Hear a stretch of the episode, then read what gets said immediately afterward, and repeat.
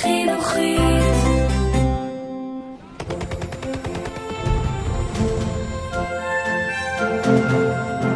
Es lebe Deutschland!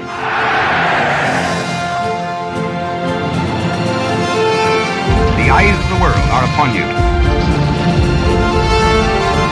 We shall defend our island, whatever the cost may be. We shall never surrender.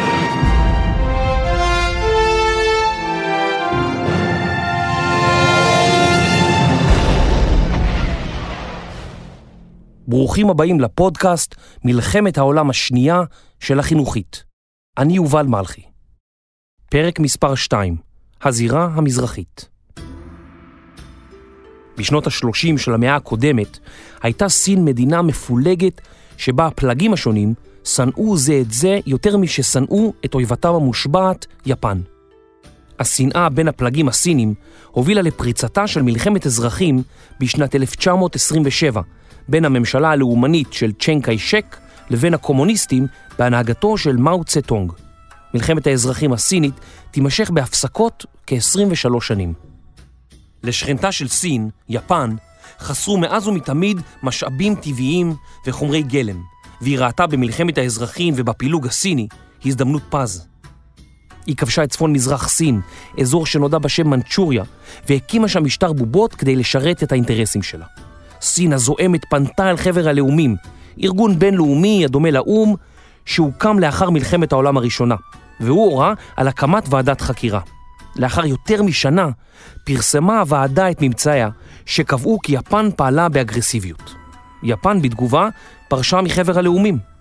כמו בולדוג בלי שיניים, חבר הלאומים אמנם נבח, אבל לא היה ביכולתו לעשות דבר מעבר לכך. היפנים זעמו, הסינים זעמו, האירופאים לא היו מרוצים, האמריקנים כעסו, הסובייטים התכוננו, הגרמנים היו בתמונה. היה ברור כי הסיטואציה במנצ'וריה היא חבית אבק שרפה, שרק מחכה לניצוץ הנכון.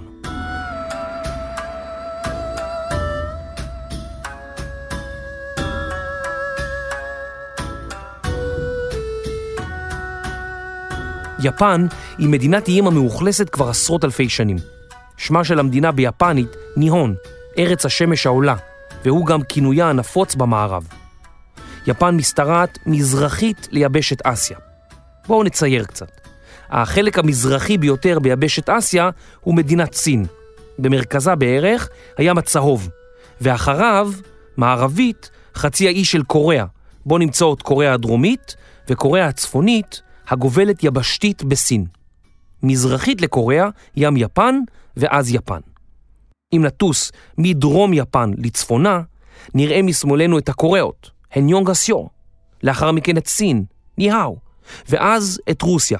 זדרסטוויטיה. צפונית ליפן שוכן האי הצר והארוך סחלין, חלק מהטריטוריה הרוסית. בטיסתנו דרומה נראה שקוריאה מפרידה בין יפן ובין מנצ'וריה, החבל הצפון-מזרחי של האימפריה הסינית, שלה הגבול ארוך מאוד עם ברית המועצות. ההיסטוריה של יפן רוויה באגדות, הטוענות שמקור מוצאם של תושבי האי הוא ישירות מן האלים. על בסיס זה האמינו היפנים כי הגזע שלהם הוא הגזע העליון, ושאר הגזעים האסייתיים נחותים להם, כולל הסינים, ושלא לדבר על המערב. תחושת העליונות הייתה אחת הסיבות להסתגרותה רבת השנים של יפן וליחסה האמביוולנטי למערב. יפן הייתה כמו דשא בבניין ציבורי, מותר לראות, אסור לדרוך. הסתגרותה של יפן החלה במאה ה-16, עת הגיעו מיסיונרים וסוחרים לאי, במטרה לסחור ולהפיץ את הנצרות. החשש מההשפעות החיצוניות הללו גרמו ליפנים לסגור את שעריהם באופן הרמטי עד לסוף המאה ה-19. בשנת 1854, אדמירל אמריקני בשם מת'יו פרי הגיע לחופי יפן עם עשר ספינות מלחמה וכ-1,600 איש. היפנים נלחצו מספינות המלחמה בעלות התותחים המאיימים וחתמו על הסכם לפתיחת שערי המדינה לסחר עם ארצות הברית ולבסוף עם המערב. זה לא היה אותו מת'יו פרי מחברים, למקרה שהשם נשמע מוכר.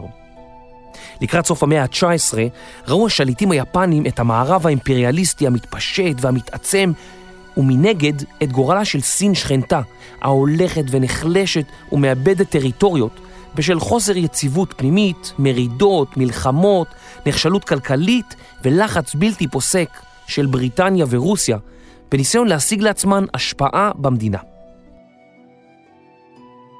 יפן הבינה כי עליה להפוך למעצמה על מנת להימנע מגורלה של סין, שהובסה בקביעות על ידי בריטניה וגרמניה.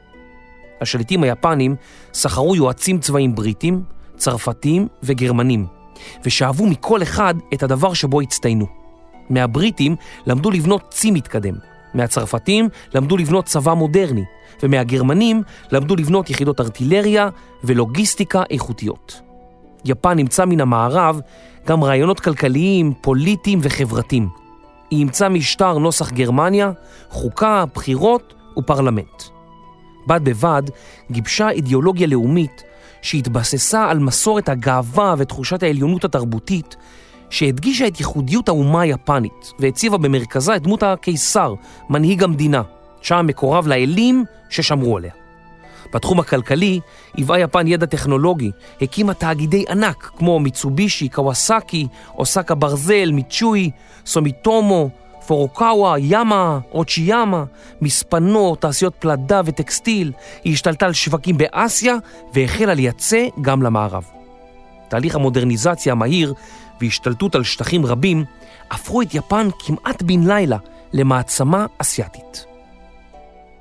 כמו מדינות מערביות, גם יפן שאפה להשיג מושבות מעבר לים כדי שישרתו אותה. ההנחה המקובלת אז קבעה שתעשייה מודרנית זקוקה למושבות שיספקו לה חומרי גלם, כוח עבודה זול, נמל להגינה וקרבה לשווקים חדשים. היפנים האמינו שמושבות ואזורי השפעה הם תנאי להתקדמות ארצם ולהתפתחותה. בדיוק כפי שחשבו האירופאים על אפריקה, חשבה יפן על סין. כיבושה של סין על ידי יפן יכול להביא לה רק תועלת, וכמובן גם לאיכרים הסינים העניים, שרבים מהם מעולם לא ראו מכונית, מטוס או חשמל, והיו סוג של עבדים מודרניים. האיכרים הללו סבלו במהלך השנים משיטפונות, בצורות, בליית אדמות והתעללות מצד בעלי האדמות, שגבו מהם דמי חכירה מופקעים, ממש כמו באירופה של ימי הביניים. יפן לצ'יינאים אל שכנותיה, קוריאה, סין ובעיקר חבל מנצ'וריה, בהם נמצאו חומרי גלם שחסרו לתעשייה המתפתחת ביפן, ושטחים נרחבים לחקלאות שהיו מיושבים בדלילות. בנוסף, בסוף המאה ה-19, החלו לעלות מתחים חברתיים שיצרו התיוס המהיר והמעבר ממדינת השוגונים והסמוראים למדינה מודרנית בעלת שלטון מרכזי. יפן נזקקה לגורם חיצוני שיסב את תשומת לב האוכלוסייה וימנע מלחמות פנים, כמו אצל שכנתה, והיא פנתה לכיבושים טריטוריאליים.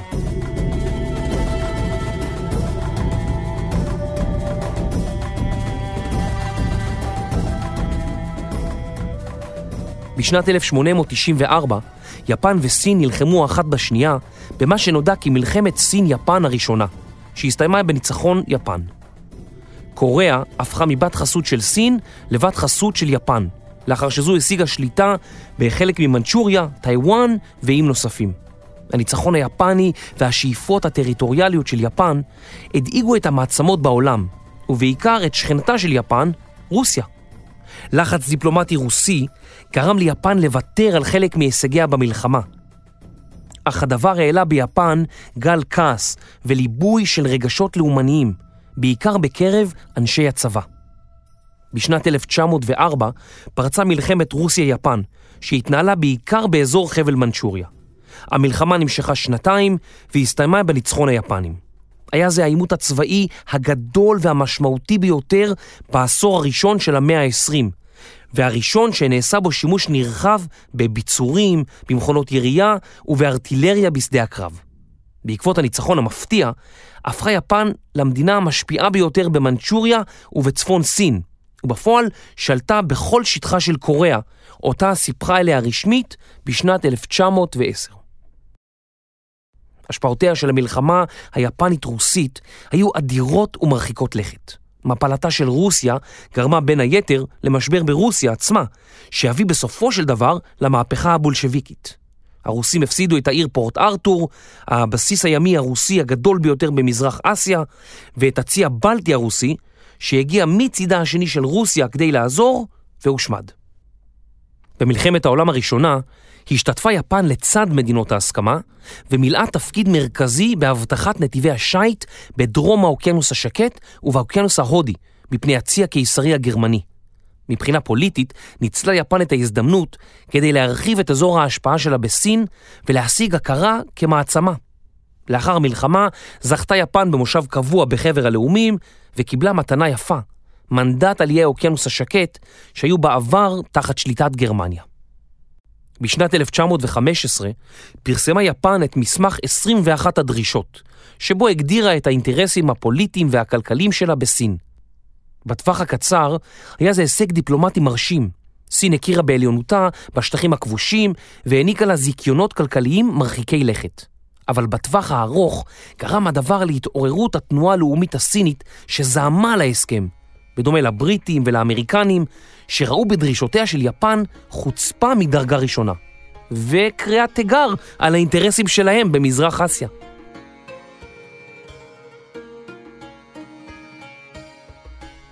בשנות ה-20 של המאה ה-20, פלגים לאומניים וקומוניסטים בסין החלו להחריף את המאבק ביניהם. השנאה האידיאולוגית הובילה לפריצתה של מלחמת אזרחים בשנת 1927 בין הממשלה הלאומנית של צ'נקאי שק ובין הקומוניסטים בהנהגתו של מאו צטונג. הקומינטנג, התנועה הלאומית הסינית. זה טבעי לשנוא את האויב, אבל אם אחיך מנסה להרוג אותך, זו כבר שנאה מסוג אחר. המשבר הכלכלי שפקד את המערב בסוף שנות ה-20 השפיע גם על יפן. היא סבלה מבעיות של אינפלציה ועלייה חדה במחירי האורז. אלה גרמו להתפרצויות ומהומות אלימות ברחבי המדינה. לכך נוספו נזקים מתמשכים שגרמה רעידת האדמה שאירעה ב-1923 באי הונשו, שם שוכנת הבירה טוקיו. יפנים רבים פירשו את רעידת האדמה כעונש משמיים, על כך שהעם היפני הידרדר לסגנון חיים מערבי שכלל אנוכיות, חוסר מוסר וחומרנות. הם ראו ברעידה הזדמנות לבנות מחדש את עיר הבירה, ובכך לבנות מחדש את מערכת הערכים היפנית. בד בבד, חיילים יפנים רבים שהשתחררו מהשירות הצבאי הפכו למורים ומנהלים של מערכת החינוך היפנית, במיוחד באזורי הספר. החברה היפנית הפכה לחברה צבאית, ואויביהם המושבעים היו הקומוניסטים, מכיוון שהיו נגד הקיסרות היפנית הקדושה.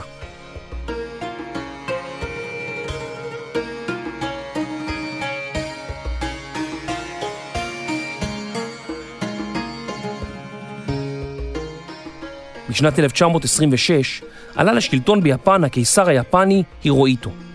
הוא קרא לתקופה בה עמד לשלוט, כפי שהיה נהוג, בשם תקופת השלום הנאור, ביפנית שואה.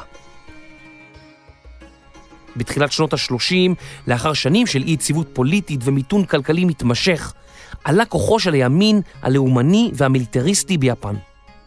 היפנים, ובעיקר הצבא, היו להוטים לצאת לכיבושים טריטוריאליים על מנת להחזיר ליפן את השקט הפנימי ולתת מענה לרגשות הלאומניים.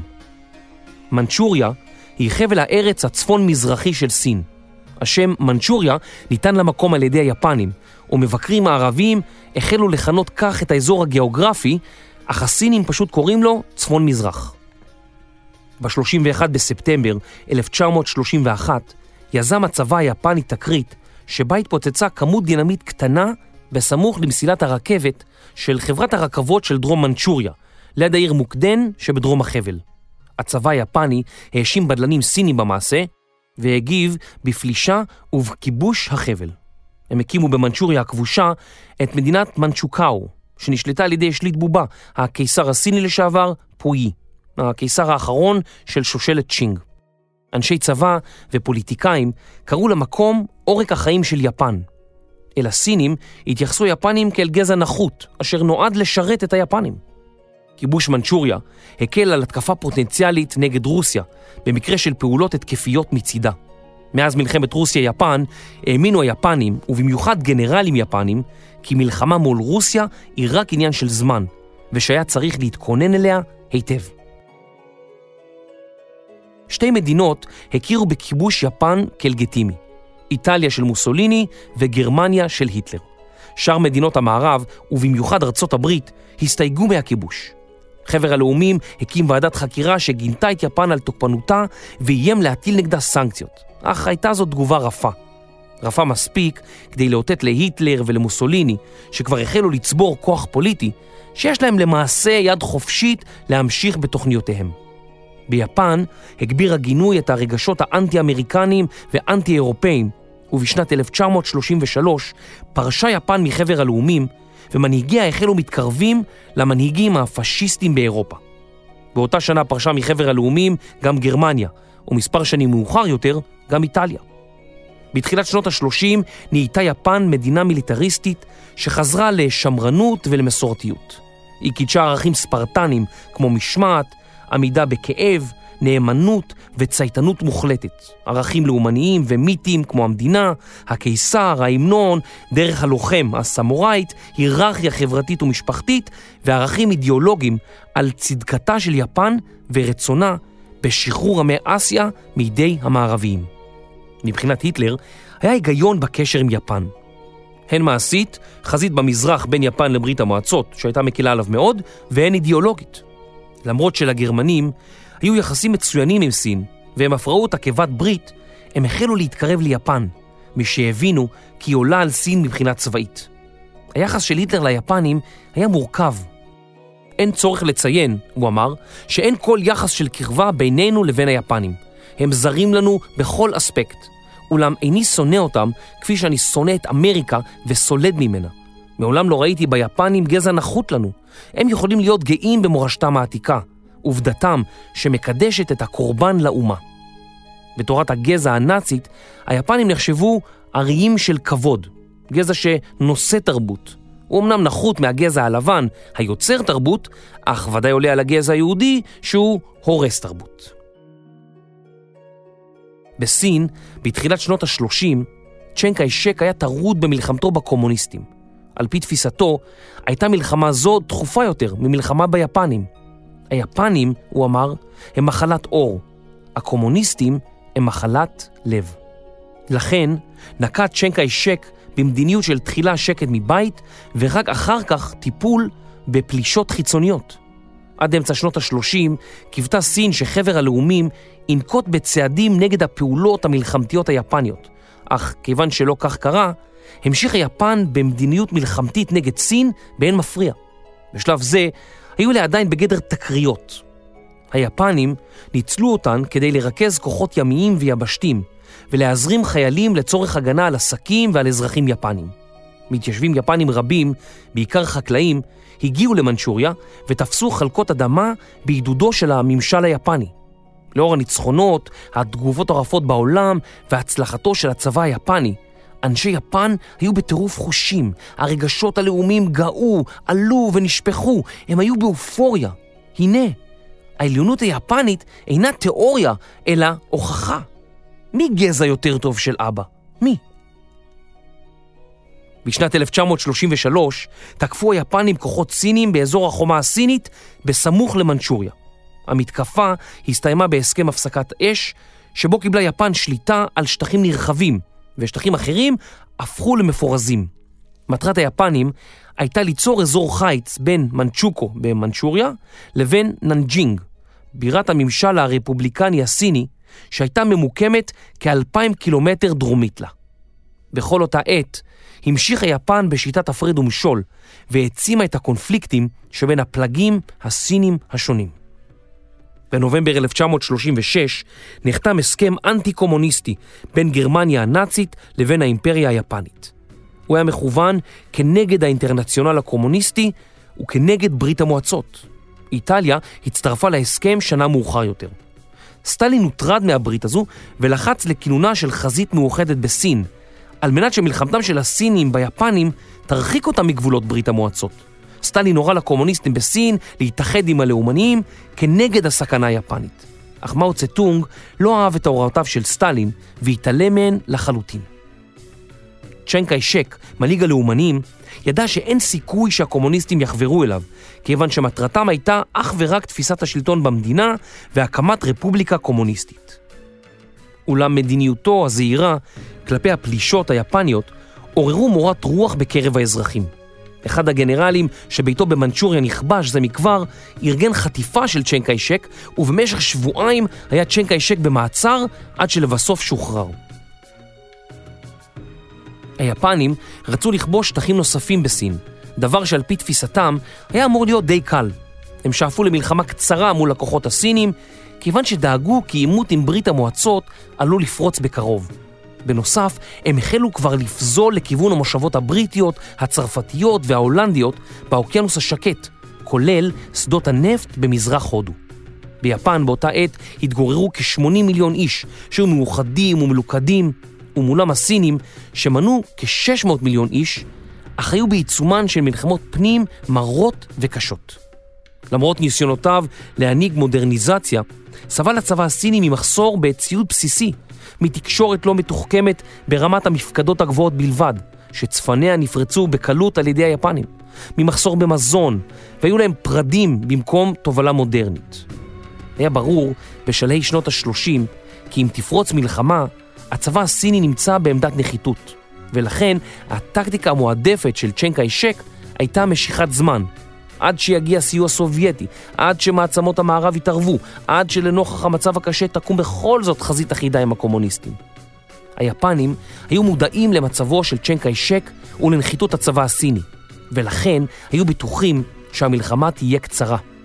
אולם הם שגו בהערכה אחת. ככל שהתקדמו אל פנים הארץ, ככל שהפכו אכזריים יותר, כך גברו רוחם הלאומית של הסינים, והמוטיבציה שלהם להתנגד לכיבוש.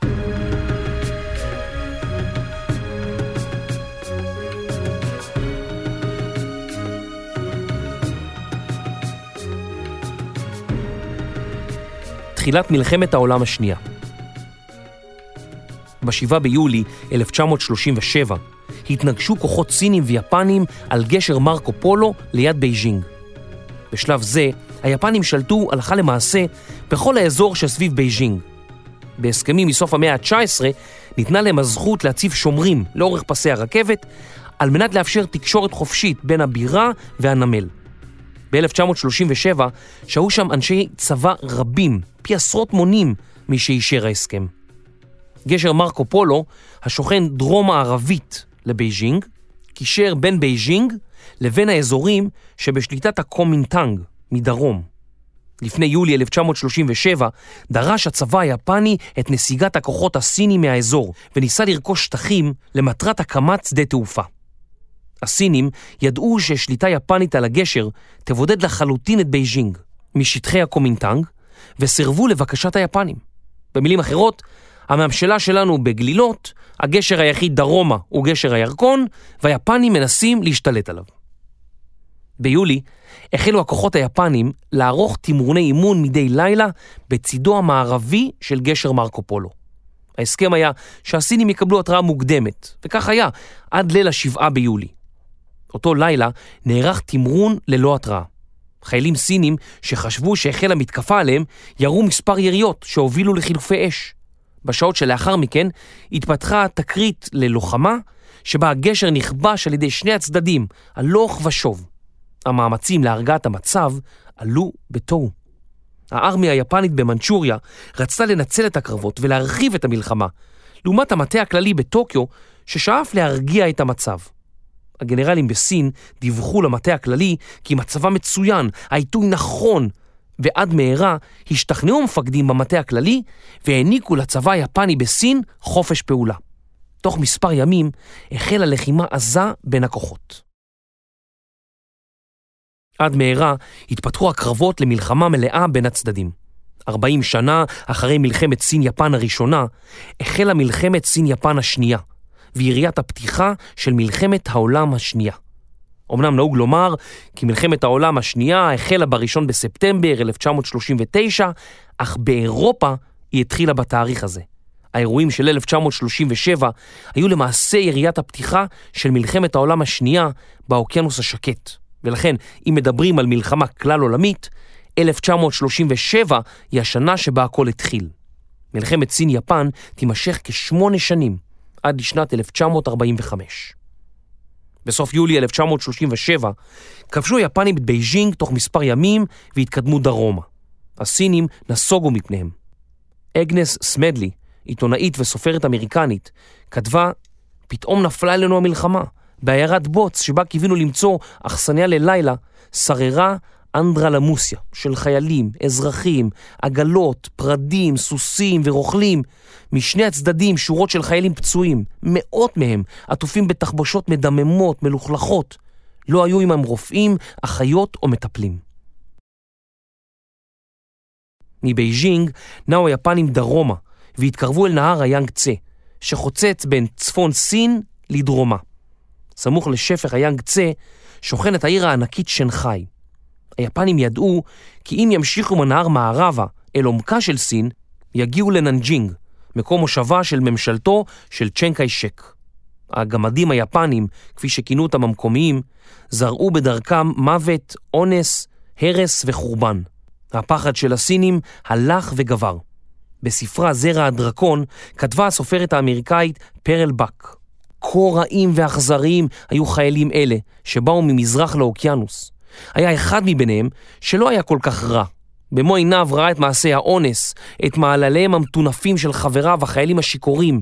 הוא היה אומר, אני בוש ונכלם לנוכח מה שחיילינו מעוללים לכם. הלוואי ומישהו היה מספר זאת לקיסר. אבל אי אפשר, כי גם האנשים בבית לא יאמינו לסיפורים על מה שבניהם מעוללים כאן.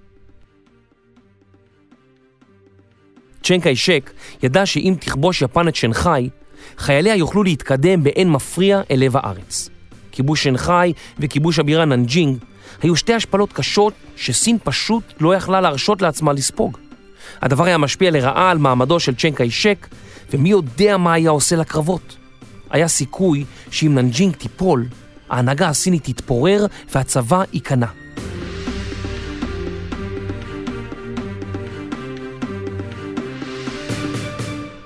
בשלב זה של המלחמה, מרבית המעצמות נרתעו ממתן עזרה לסין, כיוון שהעריכו שתפסיד במלחמה בסופו של דבר.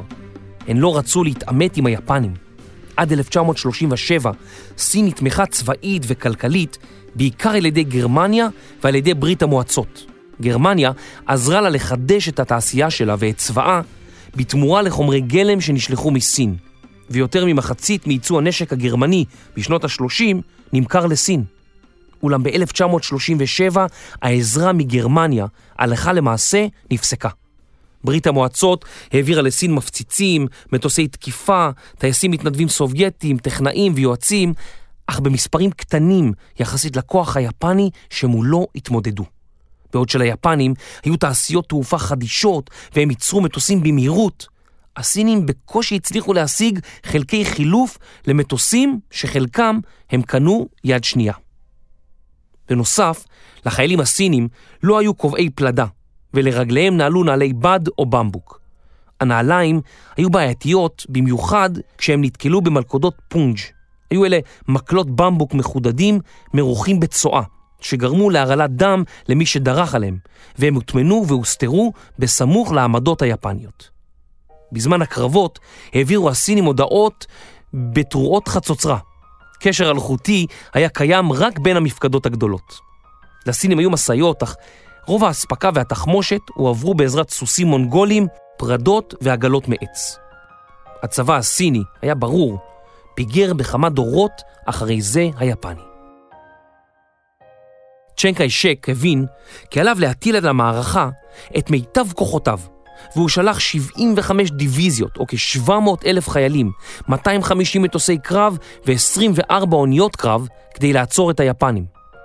ב-22 באוגוסט 1937 עגנו אוניות יפניות מול הרובעים הסינים של שנגחאי ושל הערים הסמוכות לה, והחלו להפגיז את העיר. יום לאחר מכן נחתו מאות אלפי חיילים יפנים על החוף והחל קרב עצום בין שני הצדדים. לשנגחאי יש גם קשר יהודי. בעיר התגוררו צאצאים של משפחות כדורי וששון הבגדדיות שעשו חיל בהודו. יהודים רוסיים שנמלטו מרוסיה בעקבות אנטישמיות ויהודים גרמנים שנמלטו גם הם מגרמניה לסין. עוד עשרות אלפי יהודים יעשו דרכם לעיר עד למתקפה היפנית על ארצות הברית בסוף שנת 1941. במהלך המלחמה ביקשו הנאצים היפנים להעביר לידם את יהודי שנגחאי. האגדה מספרת כי המושל היפני של העיר שאל את היהודים מדוע הגרמנים שונאים אותם כל כך. תשובתם של היהודים הייתה, כי אנחנו נמוכים ובעלי שיער שחור. המושל חייך, חיוך רחב, והחליט שלא להסגיר אותם לידי הנאצים. בשנות מלחמת העולם השנייה הוכנסו יהודי העיר לגטו, ולבסוף שוחררו על ידי הסינים. כמעט כולם עלו לישראל לאחר מכן, אך הם השאירו לנו סיפור מרתק שקצרה היריעה מלכסות אותו כאן. הקרב על שנגחאי נמשך מאוגוסט עד נובמבר 1937, הרבה מעבר למה שציפו היפנים המתוסכלים, והפך לסמל של עמידה סינית הירואית מול היפנים על ציודם המתקדם. היפנים נאלצו להזעיק תגבורות מיפן והטילו לחזית 200 אלף חיילים נוספים. הם נתקלו בהתנגדות חריפה הרבה מעבר למה שציפו, ואיבדו כ-40 אלף איש. הסינים איבדו בקרבות קרוב ל-200 אלף איש, פי חמש. הלחימה התרחשה בעיקר בעיר, לחימה אורבנית שהייתה די נדירה באותם ימים וכלל לא במספרים שכאלה. הלחימה המחישה גם לארצות המערב מה קורה כאשר שני צבאות מתנגשים בעיר גדולה ומרובת אזרחים. ביום שבת, ה-14 באוגוסט 1937, הטילו מטוסים סינים פצצות שיועדו לטיבוע ספינות יפניות, אך נפלו על שכונה אזרחית שבה התגוררו תושבים זרים רבים. כשלושת אלפים איש נהרגו ונפצעו באירוע שכונה שבת העקובה מדם, או Bloody Saturday. הקרבות באזור שנגחאי הותירו מאות אלפי חללים אזרחיים, הרס עצום והמוני פליטים. הזיכרונות מאותם קרבות עדיין חיים ביפן ובסין, והוויכוחים על כמויות ההרוגים משני הצדדים לא פסקו. חייל יפני מיואש רשם על קיר של בניין הרוס. לחימה ומוות בכל מקום, ועכשיו אני גם פצוע. שטחה של סין אינסופי, ואנחנו כטיפות מים באוקיינוס. מה מטרת המלחמה הזאת? אני כבר לא אראה את ביתי שוב. שנגחאי הייתה עיר קוסמופוליטית ענקית ובית לזרים רבים. הם היו עדים לאירועי הזוועה שהתרחשו בשכונתם, ברחובם ובבתים הסמוכים. העיתונאי האמריקני אדגר סנואו, ששהה בסין וסיקר את המלחמה, כתב היה זה כאילו קרב ורדן בין הגרמנים לצרפתים ב-1916, התרחש על גדות הסיין, כאילו קרב גטיסברג במלחמת האזרחים האמריקנית התרחש בהרלם, בעוד תושבי מנהטן צופים מן הצד. למרות הלחימה העקשנית, הצבא הסיני נסוג, נדחף לאחור על ידי היפנים שהוסיפו לכוחם עוד מאות אלפי חיילים. הסינים נדחקו מערבה, במעלה היאנגצה, לכיוון הבירה, ננג'ינג. ננג'ינג הייתה מאורגנת פחות ומוגנת פחות משנגחאי. לאור המפלה בשנגחאי, התלבט צ'אנג קאי שק באם להגן על הבירה או לנוטשה לאחר קרב סמלי בלבד. הוויתור על סמל כה חשוב, בירת הרפובליקה, היה משפיל, ולכן הוחלט לבנות ביצורים במהירות ולהגן על העיר, אך לפנותה ברגע האחרון, ולמשוך את היפנים מערבה, אל מרחביה העצומים של סין, כפי שיעצו היועצים הגרמנים. עד אמצע 1938 עדיין היו יועצים צבאיים גרמניים בסין, אך הם נקראו לשוב לגרמניה לאחר פנייה תקיפה של יפן, שהייתה בקשר הדוק עם הגרמנים משנת 1936. היחידות היפניות ידעו כי בכיבוש ננג'ינג הייתה יוקרה רבה, והן עשו דרכן במהירות לעברה. כל אחת מהן רצתה להיות זו שתכבוש את העיר ראשונה. היחידות היפניות התקדמו במהירות, וכדי להקל על עצמם, לא נשאו על גבם דבר חוץ מנשק ותחמושת. החיילים היפנים הלהוטים ממש התחרו מי יגיע לננג'ינג ראשון, והם כבשו יעדים שונים בדרך, הרבה לפני זמן הכיבוש המתוכנן. את המזון שלהם הובילו יחידות לוגיסטיקה ואספקה, שבמקרים רבים נתקעו מאחור בדרכים הבוציות של הערבות הסיניות. החיילים היפנים קיבלו הוראה לחיות מתבואת האדמה, דהיינו לרכוש או לבזוז מזון מאיכרים סינים, שברוב המקרים היו עניים ומרודים גם ככה. האוכלוסייה שהתגוררה בין שנגחאי לננג'ינג החלה להימלט מהצבא היפני. בהוראת הממשלה הם הותירו אחריהם אדמה חרוכה. הציתו שדות, יערות, בסיסים, בתים, מחסנים ומזון. כל דבר שיכול היה להביא תועלת ליפנים. למרות שהצבא היפני הורה לכוחותיו להימנע מכל פעולה בלתי חוקית כלפי אזרחים סינים, כולל ביזה או הריגה, והזהיר את החיילים מעונשים חמורים, המציאות בשטח הייתה שונה לחלוטין. החיילים היפנים זה עתה חוו על בשרם קרב קשה וכואב, שבסיומו עשרות אלפים מחבריהם מצאו את מותם. עתה הם עשו את דרכם בשטחים סינים בוציים עם מעט מזון ותסכולם היה רב. המפקדים היפנים ידעו שלא יוכלו להילחם בקרב ארוך נוסף כמו בשנגחאי, ולכן תכננו להשתמש בגז חרדל או בפצצות תבערה במידה והקרב יתמשך מעבר לתכנון המקורי. האזרחים בננג'ינג החלו להימלט, ועד מהרה עזבו את העיר חצי מתוך מיליון תושביה. משהגיעו היפנים לשערי העיר, החלו החיילים הסינים להתפנות ממנה, אך גילו למעשה כי היפנים כיתרו את העיר, ורבים מתושביה נורו, טבעו ולא שרדו. לאור הלחימה המפתיעה של הסינים בשנגחאי, סבר הצבא כי עליו לאמץ טקטיקות נוקשות יותר, והחיילים נכנסו לעיר בפקודה להמית כל שבוי. כשהגיעו לננג'ינג, החיילים היפנים, הם רתחו מזעם, מתסכול ומרעב, והפקודות שקיבלו כאילו הבהירו להם כי הם חופשיים לעשות ככל העולה על רוחם בעיר. החיילים היפנים גדלו בחברה שראתה בגזע היפני עליון ובסינים גזע נחות יותר. נשים סיניות נחשבו לפחותות מחזירים. היפנים מעולם לא ייחסו חשיבות רבה מדי להסכמים בינלאומיים. במהלך המלחמה הם השתמשו בגז שנגד אמנות בינלאומיות, ובאוגוסט 1937 צו מלכותי אפשר לחיילים לטפל בשבויי המלחמה הסינים שלא בהתאם למגבלות החוק הבינלאומי. וכך, למרות שהיו חוקים בינלאומיים שהורו כיצד צבא אמור לנהוג באוכלוסייה אזרחית, היפנים לא ממש כיבדו את החוקים הללו. למעשה, עד היום לא ברור אם מה שעמד להתרחש בננג'ינג היה הוראה מכוונת מלמעלה, התפרצות של זעם ותסכול, או שניהם גם יחד. כאשר הצבא היפני נכנס לעיר, הוא פתח בהרג המוני של שבויי מלחמה. קצינים יפנים עודדו את חייליהם הצעירים לדקור את השבויים, לחסלם בכידונים ואף לערוף את ראשיהם, כדי להעצים את סבלם, ובכך לחשל את החיילים לקראת המשך המערכה בסין. באמצעות מצלמות קולנוע, היפנים גם דאגו לתעד את הזוועות. בצילומים נראים חיילים יפנים מחייכים בשעה שהם כורתים את ראשי החיילים הסינים ומצטלמים עמם למזכרת. חלק מהשבויים נורו במכונות ירייה. אחרים נקשרו והוצתו בעודם בחיים. חיילים אחרים נקברו חיים, בערימות. מילא אם היינו קוראים על כך בעיתון או בספר, אך יש תיעוד של חלק מהאירועים המזוויעים הללו.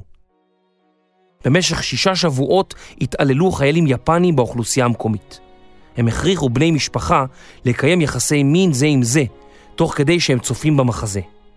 אלפי נערות ונשים נאנסו, לעתים על ידי עשרות חיילים יפנים, ולאחר מכן נשחטו. משפחות שלמות שחששו לגורלן העדיפו להתאבד. מעשי הזוועה בננג'ינג המשיכו והמשיכו. יחידה יפנית אחת הרגה 15 אלף שבויים סינים.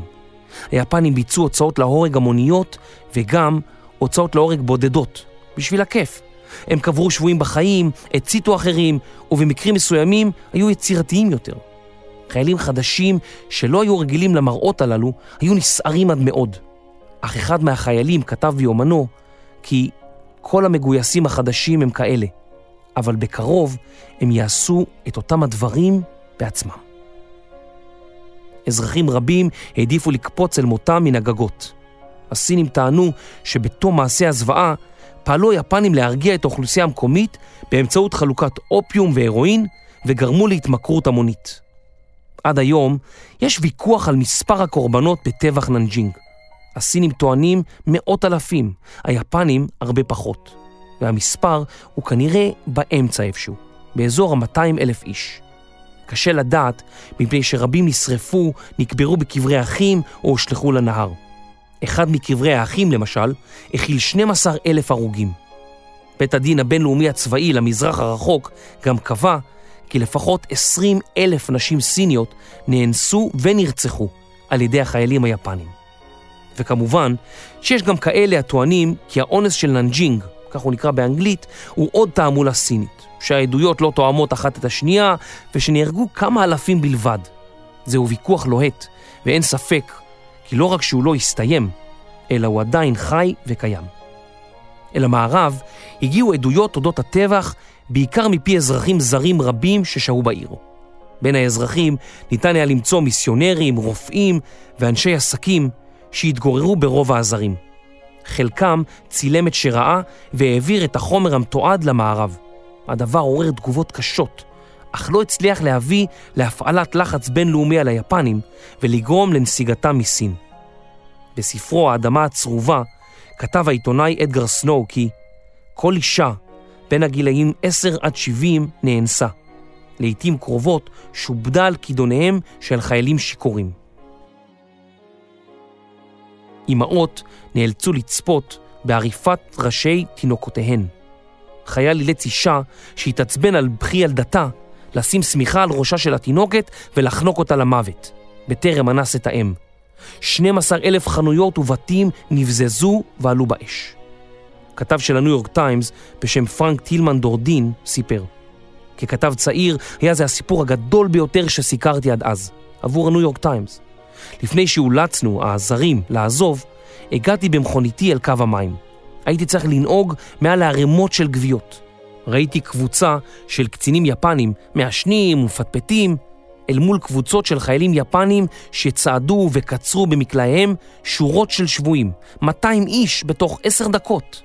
מיני ווטרין, מיסיונרית אמריקנית שעבדה בבית הספר לשפות, כתבה ביומנה: לא היה פשע שלא בוצע הלילה בעיר. לעולם לא נדע כמה אלפים נקצרו במכונות ירייה או בכידונים. הגופות השרופות מספרות את סיפורי הטרגדיות הנוראיות. זיכרונות ננג'ינג לא יימחו לעולם מזיכרוני או מזיכרונו של כל מי שהיה שם באותם לילות. הזיכרונות הללו גרמו, ארבע שנים מאוחר יותר, להתמוטטותה הנפשית ולהתאבדותה. איש העסקים הגרמני יוהאן ראבה כתב ביומנו: אינני מבין את היפנים. מצד אחד הם רוצים בהכרה כמעצמה גדולה, שוות ערך למעצמה מערבית. מאידך, אכזריותם אינה נופלת מזו של גדודי ג'ינג'יס חאן. אלמלא ראיתי במו עיניי, לא הייתי מאמין. אותו ראבה וזרים נוספים הקימו בהסכמת היפנים אזור מוגן בשטח השגרירויות הזרות ואוניברסיטת ננג'ינג. שם סיפקו מחסה לכ-200 אלף פליטים סינים.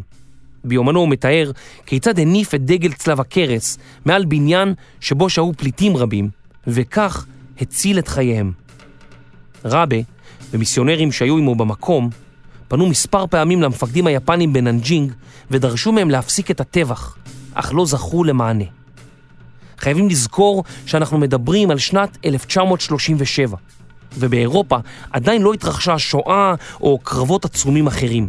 הטבח בננג'ינג זעזע את העולם מפני שהיה זה הטבח הגדול ביותר שידעה האנושות אי פעם באותם ימים. זה הטבח מתועד בתמונות, בסרטונים ובעדויות ממקור ראשון. זה היה מבחיל, מבהיל, מזעזע, קשה לעיכול, מעורר פלצות, מטלטל ומחריד.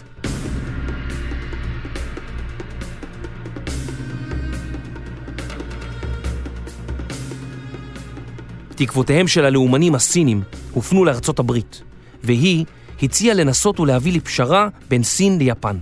היפנים אפילו לא הגיבו להצעה האמריקנית. אך הסיפורים על הזוועות שהתרחשו בסין החלו לעשות דרכם למערב ולארצות הברית וגרמו לזעזוע בדעת הקהל. הדבר הפתיע את המערב, כיוון ש-30 שנה קודם לכן, במלחמת רוסיה-יפן, היה יחסם של היפנים לשבוייהם, ביניהם יוסף טרומפלדור ויהודים אחרים, הוגן.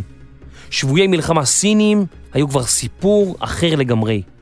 בארצות המערב החלו לחשוש מהיפנים, מהמושבות ומהאינטרסים שלהם שם, מהקשר שבין יפן לגרמניה ואיטליה וממה שעומד לקרות. בסוף שנות ה-30, בעת שיפן, גרמניה ואיטליה החלו מחזקות את קשריהן, החלו הסובייטים לחמש את כוחות ההתנגדות הסינים. ארצות הברית החלה לעבות את בסיסיה באוקיינוס השקט, ולאור סיפורי הזוועה, תחל לחמש מאוחר יותר את סין, מה שיגרום למתיחות בינה לבין יפן.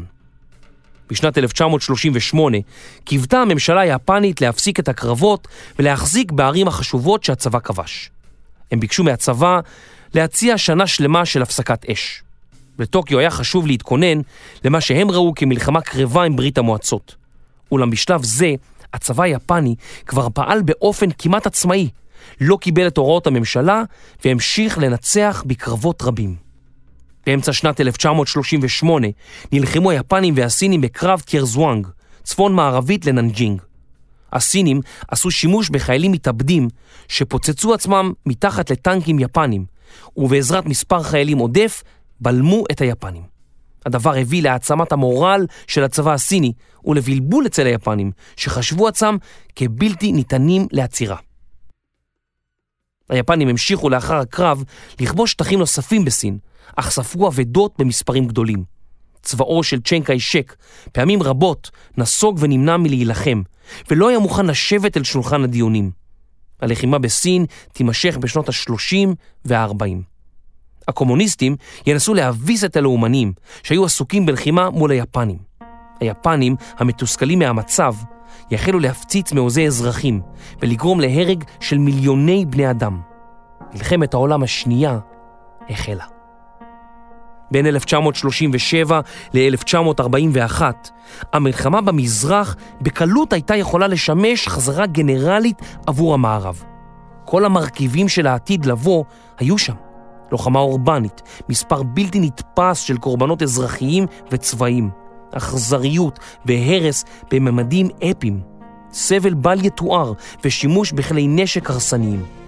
היפנים לא האמינו באמנות בינלאומיות, הם ערכו ניסויים בבני אדם, השתמשו בגז רעיל להשמדה המונית, הוציאו עשרות ומאות אלפי אנשים להורג, ותאמינו לי, חסכתי מכם את סיפורי הזוועה האמיתיים. המלחמה במזרח, כמו גלידה הנמסה בחום השמש, החלה לטפטף ולטפטף. תגובת המערב, או חוסר התגובה, עודדו מנהיגים אחרים לנסות גם הם את מזלם. בשעה שהיטלר החל להטיף לשנאה, לעליונות הגזע הארי, לזכויות הגרמנים שנגזלו ולשאיפה שלו לכבוש חלקים נרחבים מאירופה, מנהיגים הערביים ניסו לפייס אותו, לתת לו קצת מכאן וקצת מכאן. הם היו יכולים להסתכל על יפן ולהבין כי לעתים עם האוכל בא התיאבון. האכזריות של מלחמת סין-יפן הדהימה את העולם המערבי, אך בקרוב הזוועות הללו עמדו להפוך לנחלתם של כל תושבי אירופה. בקרוב.